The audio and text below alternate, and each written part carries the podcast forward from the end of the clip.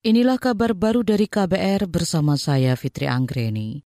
Presiden Joko Widodo tidak mempersoalkan dua gubernurnya yang menolak keikutsertaan timnas Israel pada Piala Dunia Sepak Bola U20 2023. Jokowi mengatakan perbedaan pendapat merupakan bagian dari demokrasi Indonesia. Polemik soal Israel ini kemudian berbuntut pembatalan status Indonesia sebagai tuan rumah Piala Dunia U20 oleh FIFA. Ini negara demokrasi. Yang paling penting jangan dicampur adukan. Saya sudah saya sampaikan kan, jangan dicampur adu, ada wilayah politik, ada wilayah olahraga. Presiden Jokowi mengatakan saat ini dia masih menunggu Ketua Umum PSSI Erick Thohir untuk pembicaraan lebih lanjut terkait pembatalan status tuan rumah Piala Dunia U20 ini, termasuk bagaimana mengantisipasi sanksi dari FIFA. Sebelumnya FIFA membatalkan status Indonesia sebagai tuan rumah Piala Dunia U20 2023. Pembatalan terkait munculnya penolakan keikutsertaan timnas Israel dalam Piala Dunia U20. Penolakan di antaranya disampaikan Gubernur Bali Iwayan Koster dan Gubernur Jawa Tengah Ganjar Pranowo, dua daerah yang sedianya menjadi tempat pertandingan turnamen tersebut. Argentina mengajukan diri secara resmi menjadi tuan rumah turnamen sepak bola Piala Dunia U20.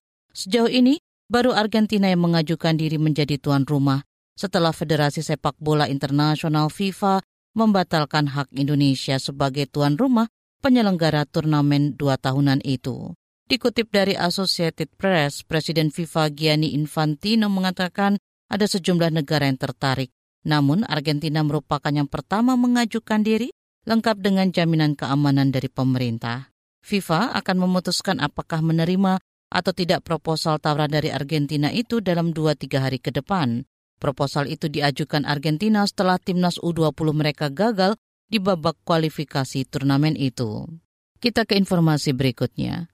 Kementerian Kesehatan mencatat angka penyakit tuberkulosis atau TBC di Indonesia pada 2022 mencapai lebih dari 700 ribu kasus Juru bicara Kementerian Kesehatan Muhammad Syaril mengatakan angka itu menjadi rekor tertinggi kasus TBC di Indonesia selama beberapa tahun terakhir. Indonesia menempati peringkat tiga kasus TBC terbanyak di dunia.